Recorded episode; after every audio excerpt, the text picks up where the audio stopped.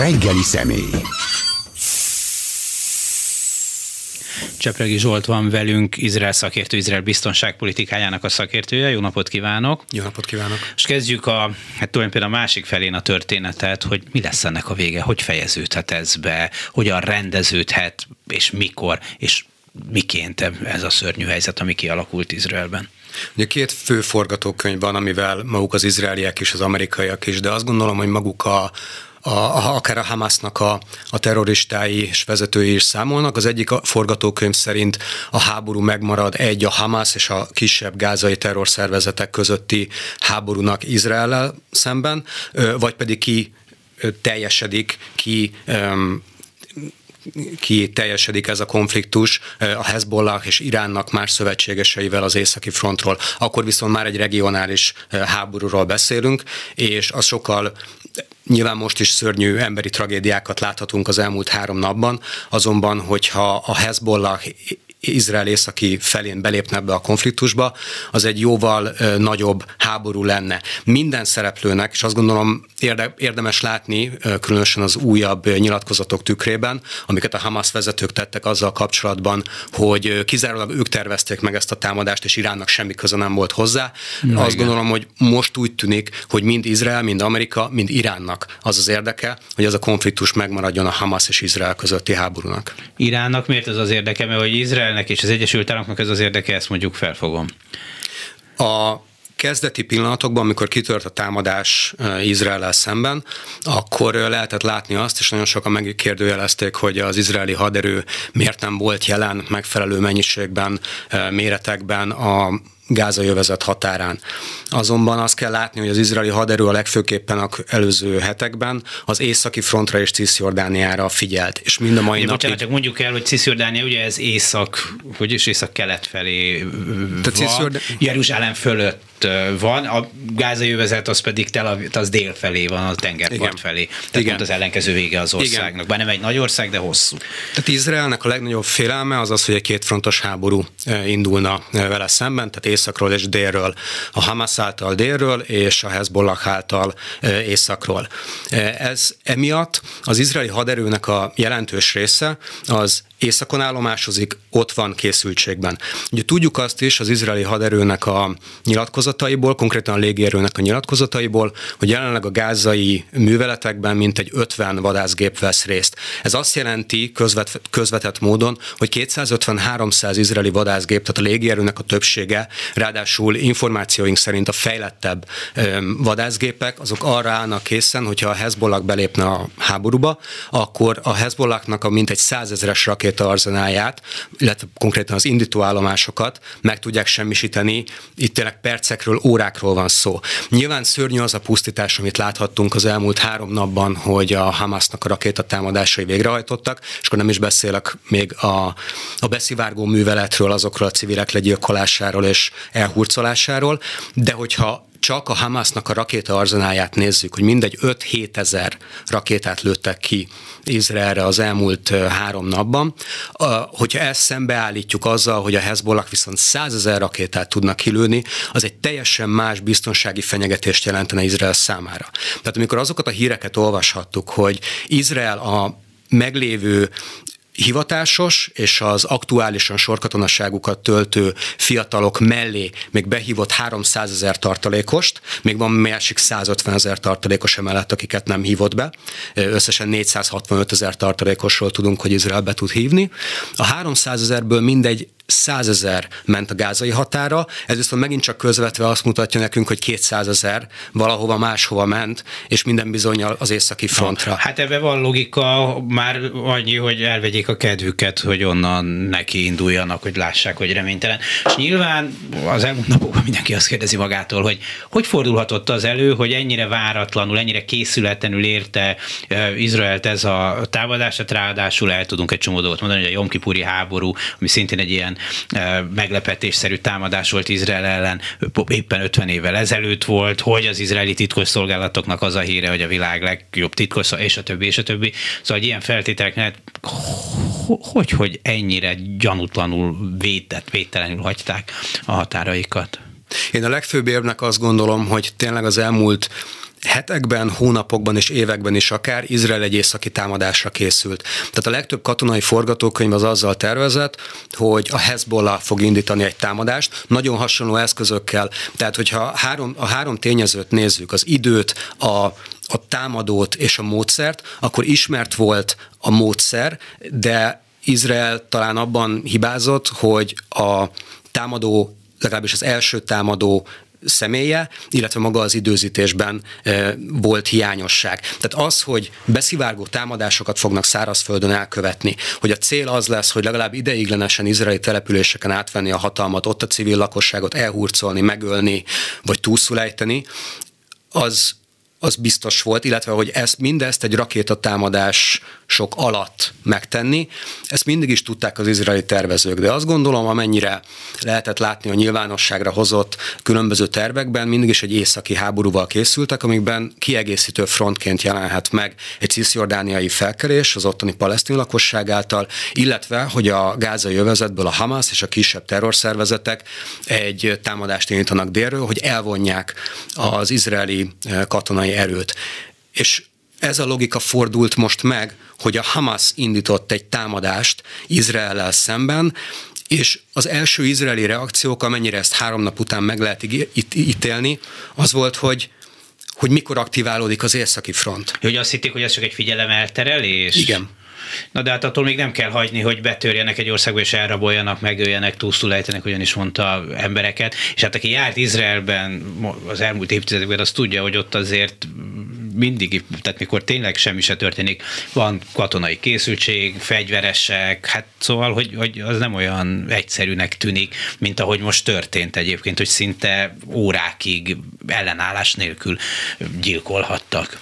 Ugye itt a következő napokban, hetekben, tehát Először is le kell szögezni, hogy Izraelben minden egyes fegyveres konfliktus követően felállítanak vizsgálóbizottságokat, amelyek általában egy bíró, tehát nem feltétlenül katonai személy vezetésével, hanem aki mondjuk szakmailag pártatlanul meg tudja ítélni a különböző álláspontokat és információkat, felállítanak vizsgálóbizottságokat, amik kiértékelik, hogy mi történt a támadás során. De amit az első három nap után lehet tudni, ugye maga a Hamas nyilvánosságra hozott számos olyan videót, ahol azt lehet látni, hogy hogyan támadták meg az izraeli katonai létesítményeket a gázai övezet határán, Ugye ebben is benne van az a kérdés, hogy vajon nem-e azért hozzák nyilvánosságra ezeket a videókat, hogy ezzel is manipulálják az izraeli katonai tervezőket egy következő fordulóra. Tehát ezeket mind mérlegelni kell majd a, az, az elemzésnél, de rövid távon azt láthatjuk, hogy a Hamas több helyen megpróbált áttörni, és ugye a beszivárgó műveleteknek a, a paradoxonja, hogy ha száz helyen is próbálkoznak, és abból 90-nél visszaverik őket, mm. attól még ha 10 át tudnak menni, akkor az, a, az az öldöklés lesz az eredménye, amit láthattunk az első órákban lezajlani. Hogy itt sok helyen próbálkoztak, és csak egy-kettőn vagy mit hányon sikerült átjönni? Tehát ezen a ponton például azt nem tudjuk, hogy hány olyan izraeli katonai létesítmény volt, amit megközelítettek, látták mondjuk drónokról a hamaszosok, hogy ott erős készültség van, és akkor inkább a, a, a terroristáikat, harcosaikat átterelték egy olyan pontra, ahol viszont gyenge volt a készültség, ahol mondjuk látták, hogy, tehát, hogy itt, itt nagyon kiderült az, hogy lehet szupertechnológiával felszerelni egy biztonsági kerítést, lehet bekamerázni, lehet minden technológiát felszerelni, de ha nincs ott egy lövészkatona a saját gépfegyverével, akkor azt a pontot a jelenlegi technológiai szinten, amíg nincsenek olyan drónok, akár szárazföldi drónok, amik viszont a lövészkatona helyett is meg tudnák védeni azt a, azt, a, azt a biztonsági kerítést, azt a pontot, akkor nincs jól védve az a határszakasz.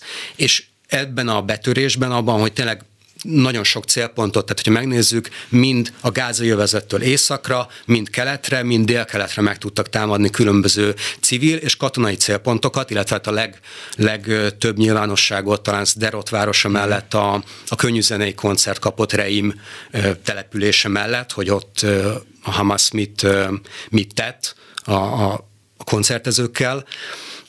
Tehát, hogy azt kell látni, hogy nem tudjuk, hogy hány helyen próbálkoztak almaszosok, de az biztos, hogy annyi helyen át tudtak törni, hogy az, a becslések szerint körülbelül ezer terrorista át tudott jutni Izraelbe, és ott én úgy tudom, az izraeli források, bizonyos források azt állították, hogy hétfő délutánra. Tudták visszaszorítani a Hamasnak a beszivárgó terroristáit, más források ezt az esti órákra tették, de ez mindenképpen azt jelenti, hogy három napon keresztül bent tudtak tartózkodni, sőt, vissza tudtak menni a gázajövezetbe, újra felfegyverkezni, és utána átmenni Izraelbe újra.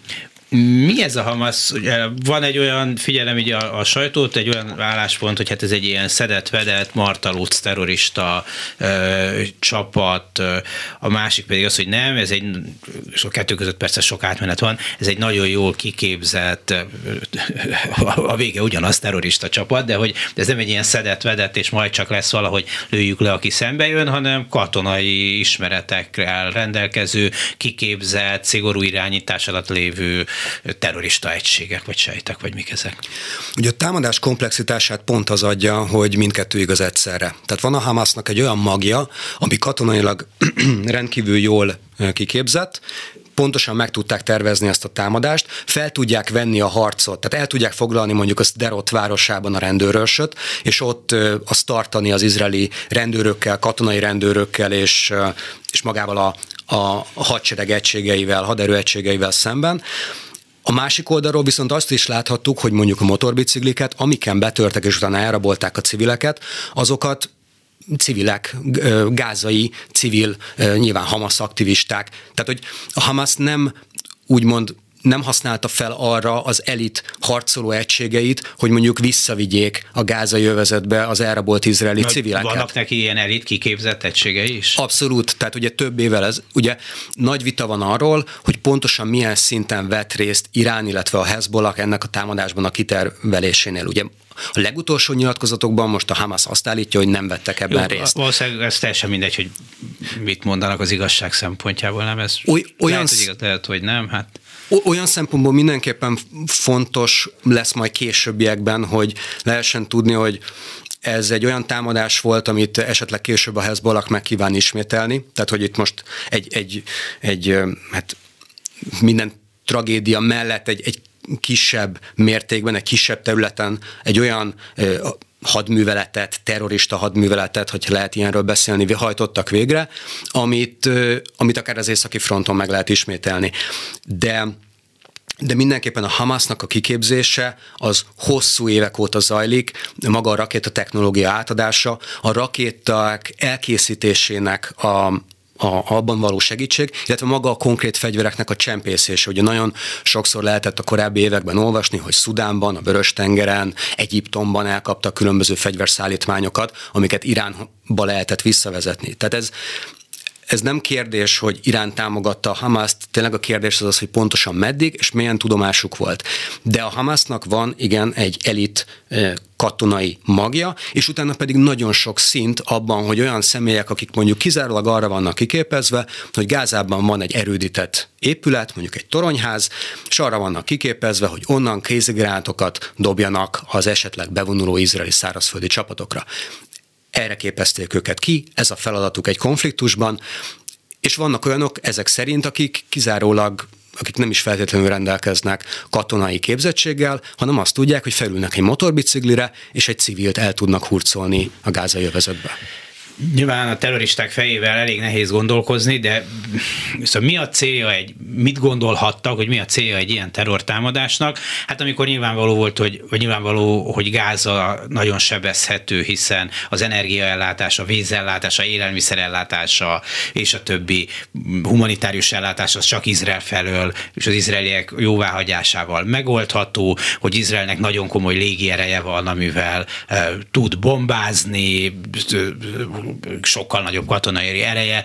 Szóval oké, hogy meg lehet ölni rengeteg civilt, de mi ennek a, a stratégiai előnye a Hamas szempontjából, azon kívül, hogy hát a terrorista, az terrorista értem, de mégis. Hogyha megpróbálunk katonai logikát ö, keresni ebben a támadásban, akkor három forgatókönyv képzelhető el. Az első az az, hogyha bebizonyosodna, hogy Iránnak és a Hezbollahnak alapvető szerepe van ennek a támadásnak a megtervezésében, akkor elképzelhető lenne, és az izraeli haderő ezért figyel leginkább az északi frontra, hogyha belép a Hezbollah a küzdelembe, akkor egy többfrontos támadást indítani Izrael szemben. Tehát indít a Hezbollah szombaton, október 7-én egy támadást. Az izraeli... Hamas a, a Hezbollah, a Hamas indít délről egy támadást Izrael szemben. Ez zajlik több órán keresztül, ugye civileket ölnek meg, az izraeli hadsereg átvezényeli a csapatait, esetleg kiürülne. Ugye van egy, Izrael nagyon gyorsan mozgósít, de mégis van néhány óra, akár néhány nap, amíg, amíg a hivatá, a éppen sorkatonai szolgálatokat töltő csapatok helyét akiket bevetnek, át tudják venni a tartalékosok, vagy éppen közvetlenül maguk a tartalékosok mennek bevetésre. És hogy ezt a ezt a, a zavart és átvezényelést kihasználva tudott volna nyitni a Hezbollah egy második frontot északról, vagy akár más szervezetek a Szíria területéről. Ez nem történt meg. Tehát három nap alatt ezt tudjuk, hogy ez... Bocs, csak hogy jól értsem, tehát azt mondja, hogy nem arról volt szó föltétlenül, hogy nem vették észre egy idő után legalábbis az izraeli katonák vagy katonaság, hogy mi történt, hanem egyszerűen nem merték átküldeni oda a csapatokat? Én azt gondolom, hogy ez egy nagyon racionális forgatókönyv, hogy az első pillanatban az más kérdés, hogy mennyi csapat állt rendelkezésre alapból az Izrael számára a déli határ védelmére. De az, hogy hogyha Izrael az első pillanatban elkezdte volna északról kiüríteni a csapatait, hogy akkor milyen gyengeséget vehettek volna észre e, Izrael északi szárnyán az ellenségei, azt nyilván egy izraeli katonai vezetőnek nagyon komolyan meg kellett fontolni, és biztos vagyok benne, hogy nagyon komolyan meg is fontolták. Tehát, hogy ebben van egy, egy, egy logika, hogy, hogy nem hagyom védtelenül azt a határt, ahonnan létemben lehet fenyegetni, tehát egy állam szempontjából létemben lehet fenyegetni, azért, mert elindult egy beszivárgó támadást, és nem lehet tudni, hogy maguk az izraeliek mit tudtak az első órákban. Ugye a sajtóinformációk szerint először azt tudtuk, hogy, hogy 10-20 izraeli halálos áldozat van, ami szörnyű, de nem lehetett tudni, hogy vajon az első településeken megállították-e ezeket a terrorista beszivárgókat, vagy pedig tovább haladtak. Ma már tudjuk, hogy tovább haladtak, de de ugye rögtön az első órákban van egy nagyfokú információ hiány minden oldalon, hogy pontosan hogyan alakul a támadás. Tehát az első forgatókönyv az az, hogy a Hamas abban a tudatban indít egy támadást, tehát indított egy támadást, hogy azt gondolta, hogy belép északon a Hezbollah, és, és egy többfrontos háború indul Izrael szemben. A második forgatókönyv és ne, nem lehet ezeket a forgatókönyveket élesen elválasztani, tehát vannak átmenetek. A második forgatókönyv az az, hogy a Hamas abban a tudatban indított egy támadást szombaton, hogy abban bízott, és felszólítást is tett erre, hogy Cisjordániában is induljanak meg zavargások, támadások. Észak-keleten, igen, tehát a, a, az amúgy a Fatah konkurens palesztin szervezet által uralt Cisjordániában indulnak zavargások, és az Izrael arab polgárai is kezdjenek el zavargásokat, illetve hogy Kelet-Jeruzsálemben törjenek ki felkelések. Tehát a Hamas felszólítást tett egy, egy átfogó felkelésre Izraelrel szemben. Tehát, tehát hogyha elfogadjuk azt, vagy feltételezzük azt... De ez nem, egyelőre ez nem jött be. és, és ez egy nagy tanulsága ennek a konfliktusnak, hogy szemben a 2021-es Gáza jövezet és Izrael közötti konfliktussal, amikor nagyon komoly zavargások voltak, mind Izrael területén, mind Cisjordániában, jelenleg ez nem történt meg.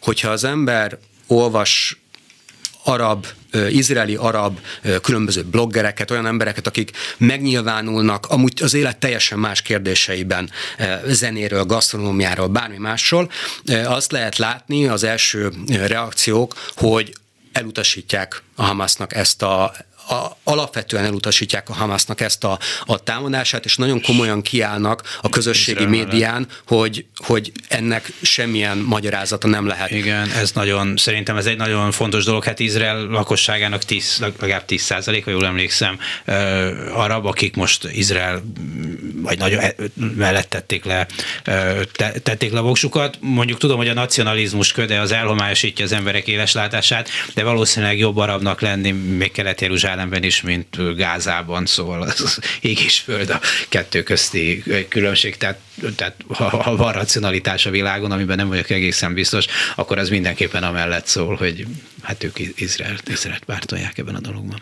Igen, tehát hogy 2021-hez képest, amikor tényleg voltak zavargások, éjszaka gyújtogatások, és ezért volt szerintem a legfontosabb a szombat este, tehát az október 7 este, hogy amikor le, lemegy a nap, akkor hasonlóan a két évvel ezelőtti helyzethez beindulnak a, a hát éjszaka, amikor nehezebb felismerni, Igen. hogy ki az, aki zavarog, beindulnak-e újra különböző bűncselekmények, akár izraeli szuverén területen, akár Cisjordániában.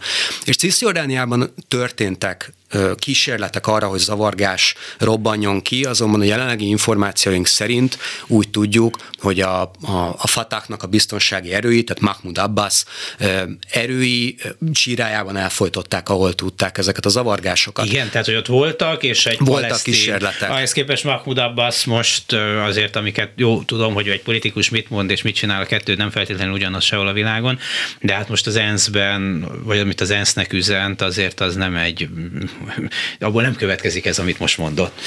De ez évek óta jellemző ez a fajta kettős politika, hogy, hogy van egy dolog, amit narratíva szintjén Mahmoud Abbas féle vezetés mond.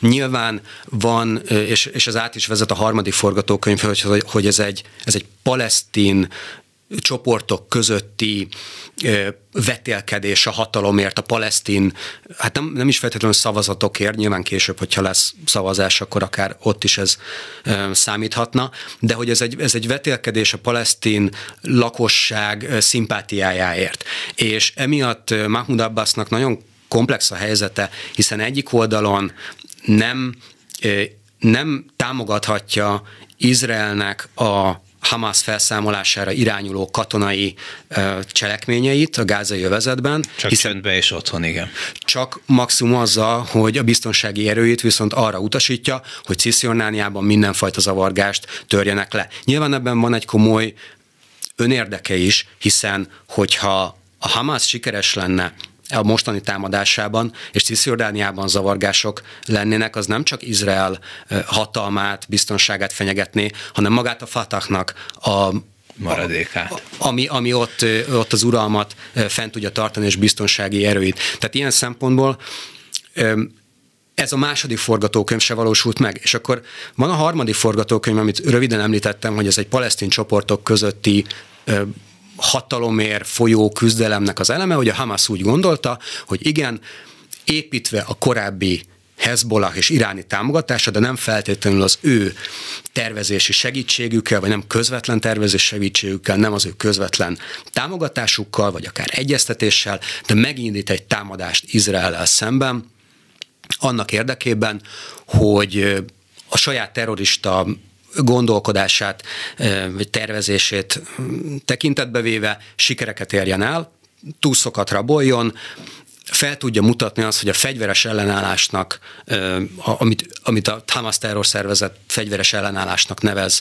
van értelme, és szembeállítja ezt a Fatahnak a politikájával, ami ugye nemzetközi fórumokon igyekszik legitimitást nyerni a két államos megoldásnak, és, egy, és, és ez a folyamat, hát jelenleg úgy látjuk, hogy befagyott, és ugye másik oldalon viszont van egy regionális kiegyezés. Szaudará kezdődő próbál ki, lenni, kiegyezés, igen. próbál lenni, és hogy valójában a Hamasnak a célja az volt, hogy bizonyos a saját szempontjából sikereket elér, nagyon hasonlóan mondjuk a 2021-es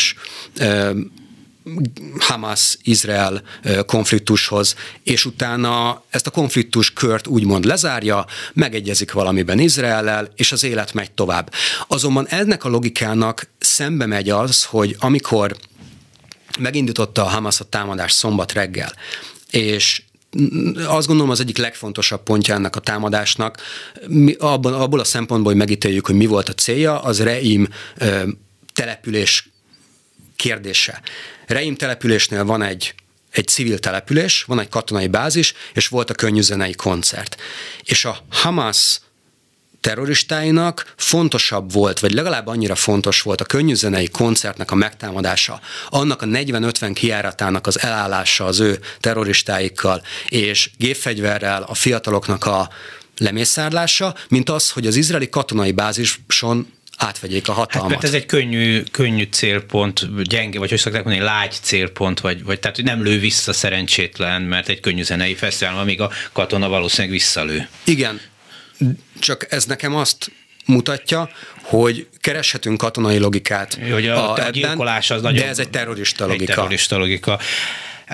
Jó, de még egy terrorista logikával is, és mondom tényleg aztán terrorista logikával végképp nem tudom beleélni magam, hogy, hogy azért azt látják, hogy Izraelnek milyen ereje van. Tehát, hogy Gázából, az ő bázisukból, hát most tényleg lehet, hogy romhalmoz marad, és azért most a művelt világ nehezen fogja azt mondani, akármit is csinálnak, hogy na, na, na ezt most nem kéne, azért korábban ezzel az emberi védő pajzsokkal, élő pajzsokkal, amit mivel elérték azt, hogy egy idő után nem lehetett tovább ott mit csinálni. De most azért néhány napig ez, ez érthető okokból talán nem így lesz. Tehát, hogy, hogy a saját infrastruktúráját veszíti el, az, hogy a saját népét pusztítja, vagy viszi pusztulásba, hát az már ott valószínűleg csak járulékos veszteségnek számít.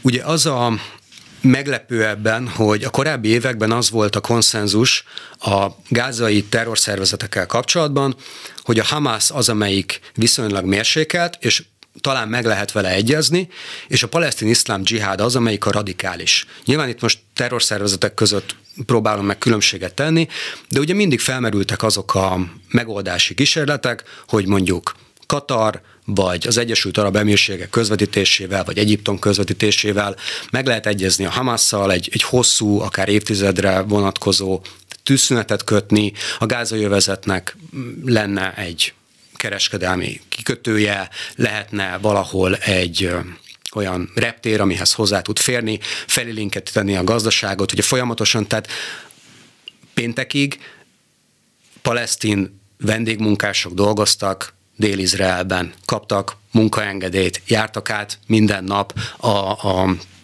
az Erez határátkelőn, amit, amit a, a Hamas elfoglalt, és az izraeli haderő, amikor megkérdezték, hogy mikor nyílik újra az Erez haderő, akkor az izraeli haderő, a, a, határátkelő. a határátkelő, akkor az izraeli haderő válaszolta, hogy az Erez határátkelő nem fog megnyílni, mert többé már nem létezik. Tehát, hogy ott olyan harcok folytak, amik mindenfajta ilyen békés, egymás mellett élést a Hamasszal, mint, mint szervezettel, hát legalább évekre teljesen lehetetlenné tesz, és különösen amellett, hogy, hogy tehát hogyha a Hamas elindította volna a támadást, és felmutatott volna a saját szempontjából sikereket mondjuk izraeli katonai bázisok elfoglalásával, akkor utána lehetett volna kötni egy, egy megállapodást, egy, akár egy békeszerződés, hiszen a háborúkat békeszerződésekkel szokták általában lezárni, vagy akár tűzszünetekkel. Onnantól kezdve viszont, hogy a, az ezer beszivágó Hamas terroristának és mellettük nyilván palesztin iszlám dzsihád és más szervezetek harcosai is beszivárogtak, de a Hamas adta a főerőt. Az elsődleges célja a, a civilek megölése és elrablása volt, onnantól kezdve mindenfajta eddigi gyakorlatot, ami ezeket a konfliktus köröket lezárta, innentől kezdve hát nem is lehetetlenné tette, de, de teljesen megváltoztatta azt a kalkulációt, amivel akár Izrael, akár a többi regionális szereplő. Tehát vannak jelenleg próbálkozások, például Katar ö, próbálja a hírek szerint, hogy legalább a női ö, túszokat kihozni Gázából, de, de ezek a, a próbálkozások nem haladnak, pontosan azért, mert a Hamas mindenképpen egy más jellegű támadást indított most, mint amiket a korábbi években megszokhattunk. Csapregi Zsolt, Izrael szakértő, biztonságpolitikai szakértő a mm, vendégünk de hát mi marad, hát hogy mi marad a Hamászból, meg mi marad Gázából, ahol azért mégiscsak él két, két és fél millió, láttam olyan ö, statisztikát, hogy akár három millió ember is, nem is egy budapestnyi, hanem egy pesnyi területen, ez azért most oké, hogy áttörték a falat, de körbe van kerítve, Egyiptom felé nem átjárható, és hát a tenger felé már van egy nagy tengerpartisága, sincs szabad kijárat, tehát ez egy, ez egy bezárt ilyen, ilyen akármicsoda, aminek most nincs víz, nincs áram, bombázzák, és hát nyilván most Izraelnek meg kell mutatnia, hogy azért nem lehet bántatlanul gyilkolni az állampolgárait, tehát nagyon keményen oda kell csapni, és hogy ehhez azért mondjuk katonai ereje, légéreje és meg, meg, meg, meg szárazföldi ereje is van, de hát közben meg ott mégiscsak él két millió ember mondjuk, amik, akik kell, valami kell, hogy legyen. Igen.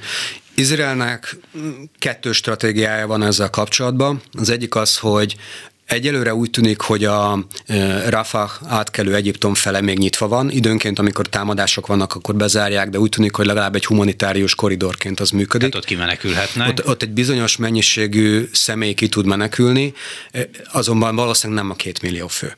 És ezért az izraeli haderő már az első órákban kijelölt olyan biztonsági zónákat, és erről tájékoztatta a, a gázai lakosságot, ahol tudnak gyülekezni, hogy elkerüljék a, a támadásokat. Tehát a, az izraeli hadseregnek a célja az nem is feltétlenül a, a Hamásznak az élő erejét, tehát a, a magukat, a harcosokat um, likvidálni, hanem azokat a, az eszközöket, technológiákat és állásokat, amiket felhalmoztak a gázai övezetben. Tehát, hogy például van a, a, az úgynevezett kopogtatás, amikor az izraeli e, légierő egy kis robbantást hajt végre egy épületnek a tetején, ezzel tudatja az ott lévő személyekkel, hogy azt az épületet azonnal el kell hagyni, az emberek ki tudnak menekülni, de annyi idő nincsen, hogy mondjuk a rakétákat, eszközöket, gyártósorokat akár ki tudják vinni eh, az épületből, vagy akár az alagutakból. Ez szerintem nagyon érdekes. A CNN-en olvastam most reggel így futtába persze itt műsor közben egy beszámolót, ahol egy eh, palesztin úr panaszkodik, hogy hát csak 5 percet, 5 perccel előbb szóltak az izraeliek, hogy, hogy bombázni fognak. És akkor ugye ott előtte meg utána vannak azok, hogy hm, mert a palesztinok mennyivel előbb szóltak, hogy a, megtámadnak valakit. Tehát, hogy két annyira más, más világ, és hogy látom, és talán ez is a veszély egy ilyen dolognak, vagy hát nem is tudom mi a jó szóra, megint, hogy, hogy ugye az, tehát mindig az izraeli politika, vagy a hadvezetés nem, kesztyűs kézzel próbált ezzel a problémával foglalkozni. Tehát volt egy, egy, egy humanitárius pont, amin, amin azért nem mentek tovább, miközben lehetett tudni, hogy lehet, hogy az óvoda alatt egy rakétasiló van, vagy mit tudom én, tehát mégse fogjuk szétlőni az óvodásokat. De most, ez, és ez a legnagyobb tragédia a dolog, vagy az egyik legnagyobb tragédia a dolog, most ezek a gátlások értetően nem működhetnek tovább, meg kiderült, hogy, hogy, hogy ők másképp gondolkoznak, nem szólnak öt perccel előbb, hanem, hanem lőnek mindenre, ami mozog. Igen, tehát Izrael jelenleg ezt most a létér folytatott küzdelemnek ö, fogja fel. Ezért is hirdettek hadi állapotot, ami október 7-e reggel 6 órától érvényben van, hogy ez a Jomkipuri háborút 50 évvel követő hadi állapot, azért, mert ezzel kívánja Izrael jelezni, hogy ez egy létért vívott háború. Nem közvetlenül, tehát nem arról van szó, hogy az az ezer beszivárgó Hamas terrorista meg tudta volna semmisíteni Izraelt, hanem arról, hogyha erre ráépítve északon is nyílt volna egy front, vagy Cisjordániában indult volna egy, egy harmadik intifáda, akkor viszont valóban Izrael léte abszolút veszélybe kerülhetett volna, vagy akár az elkövetkező napokban veszélybe kerülhet, nyilván egyre kisebb az esélye annak, hogy északon egy, egy komoly átfogó front nyílik, hiszen most már nem meglepetésből tudna támadni a Hezbollah, hanem, hanem egy jelenleg háborús mozgósításban álló Izraelt kellene megtámadnia. Hát igen, meg azért látszik, hogy Gázában mi történik, vagy mi fog történni most a következő napokban, az valószínűleg nem feltétlenül egy szép perspektíva. Ez el fog húzódni ez a harc, bár ugye mindenki azt gondolom, hogy a mostani napokban mindenki megpróbál a másik oldalra licitálni abban, hogy ő meddig fog kitartani. Mm. Tehát, hogy mindenki azt mondja, hogy, tehát Izrael is azt mondja, hogy ez elhúzódó küzdelem lesz, nemzeti egység kormány alakul, addig fogják vívni ezt a háborút, ameddig a Hamasnak a katonai infrastruktúráját fel nem tudják számolni. A másik oldalon erre reagált a Hamas, azt mondta, hogy ők pedig készek akár hónapokig harcolni. Nyilván itt két külön, két álláspont ütközik, mindkettőt fenntartásokkal kell kezelni, hiszen Izraelnek pontosan az a célja, hogy minél hamarabb megsemmisítse a, kat, a Hamasnak a katonai infrastruktúráját, minél kevesebb járulékos veszteséggel, minél hamarabb biztosítani tudja a saját déli frontját, hogy egyszerűen ne is legyen esély és lehetőség és bármifajta ráció északról nyitni a Hezbollahnak egy második északi frontot, és lezárni ezt a konfliktust, és haladni tovább a regionális normalizáció és béke útján, amit ugye az előző hetekben az izraeli-szaudi-amerikai paktum kapcsán ugye mindig is erről volt szó a, a 2023-as év, a Izrael kapcsán erről szólt. A Hamas viszont pont az a cél, hogy ez a konfliktus elhúzódjon, ki tudja használni azt az előnyét, hogyha bejönnek az izraeli szárazföldi csapatok a gázai övezetbe, ami egy csapda, egy nagy városi betoncsapda, ahol erődített állások vannak, ahol évek óta tervezték azt, hogy mit fognak tenni az alagutakban, el tudnak rabolni újabb belépő izraeli katonákat. Tehát az, azt a terepet az izraeli haderőnek megszállni, tartósan megtartani, az katonai szempontból nagyon nehéz. Tehát itt nyilván az izraeli... Hiba, utólag már mindegy, persze, de hiba volt visszaadni 2005-ben a felügyeletet Gázába, ugye ez, ez Egyiptomhoz tartozott, aztán hatnapos háború után, ha jól emlékszem, hatnapos háború után került Izraelbe, és 2005-ben Sharon miniszterelnöksége idején hát adták vissza a palesztinoknak a fennhatóságot, ugye élni addig is ott éltek. Igen, ugye azt nem tudjuk, hogy, hogy mi történt volna abban a húsz évben, ha ott maradnak. Tehát ugye ez, ez Igen. egyik kérdés. Ugye Izraelben nagyon sok kérdést tesznek fel, és érdemes látni azt, hogy, hogy maga a politika elét nagyon komolyan összezárt. Tehát Izrael belpolitikai válságban volt éveken keresztül, jogállamiság, megélhetés, sorozás kérdése, nagyon sok kérdésben a társadalomban nagy viták voltak, maguk a pártpolitika egy nagyon gyorsan változó. És szenvedélyes. És, és igen, szenvedélyes és mondjuk, viták innen, voltak. Innen, innen kevésbé látunk, de az izraeli társadalom szétszakadás, vagy politika szétszakadása jóval nagyobb még, mint, még, még, még mindig, mint Magyarországon. Nagyon komoly viták vannak arról, hogy merre előre az országnak, hogy hogyan nézzen ki 20-30 év múlva Izrael. Ez a támadás viszont, amit a, amit, amit a Hamas indított, ez olyan szempontból visszarendezi az izraeli prioritásokat, hogy hogy a biztonság, eddig is a biztonság volt az első, de most kimagaslóan a katonai védelem és biztonság újra visszakerül, ha nem is talán egy olyan szintre, mint a hidegháború során volt, amikor még a, a Egyiptom-Szíria támadásától kellett tartani, de mindenképpen egy teljesen más szintre. Úgymond egy újabb generáció szocializálódik egy ilyen nagyarányú civil áldozatokkal járó konfliktus során, hiszen mindig azt szokták mondani, hogy Izraelben ugye folyamatos az izraeli-palesztin konfliktus, de a Jomkipuri háború óta nem volt olyan, hogy ennyire rövid idő alatt ennyire sok áldozat lett volna az izrael oldalon. Tehát ez egy teljesen más sok hatás az izraeli gondolkodásra. Hát igen, én először Izraelben talán az első intifáda idején voltam, akkor mintha egy felfegyverzett erődbe jártál volna, és azért évről évre látta az ember, hogy hogyan normalizálódik, vagy nyugat-európai, és nyugat-európai dolog volt, tehát közel-kelet, jó, de mégiscsak. Tehát, hogy hogyan egyre inkább közeledik a mindennapi élet a, a nyugat-európaihoz. Ez benne volt az is, hogy a pincérnek már előbb volt a tányér a kezében, mint a puska, mert korábban ez nem feltétlenül így volt. Hát most valószínűleg ezeknek a dolgoknak vége lesz hosszú időre megint. Nyilván megpróbálnak minél többet megőrizni abból a normalitásból, amit sikerült elérni, és ugye nagy szerepet játszott ebben a viszonylagos normalitásban a normalizáció több arab állammal az elmúlt években, az Ábrahám megállapodás. Meg fogják próbálni ezt megőrizni. Azonban, azonban igen, a katonai készültség nagyfokú lesz. Azt gondolom, hogy a leg, azon kívül, hogy hogy fog végződni maga a Hamas és Izrael közötti háború, az egyik legfontosabb kérdés az az, hogy amikor, ugye jelenleg közel félmillió izraeli van fegyverben. Ezt nem tudja Izrael fenntartani csak néhány héten keresztül. Tehát amikor megint csak a tartalékosokat vissza fogják küldeni a, a munkahelyre, akkor hogy akkor megint csak nyílik egy lehetőség ablak arra, hogy Izraelt meg lehessen támadni. Tehát innentől kezdve Izraelnek folyamatosan azt kell mérlegelnie, akár egy ilyen tartalékosok behívása, hazaküldése, akár egy, egy, egy ünnepek beérkezése előtt, hogy milyen szintű biztonsági intézkedéseket tennie, hogy még egy ilyen támadást meg tudjon előzni, meg tudjon akadályozni.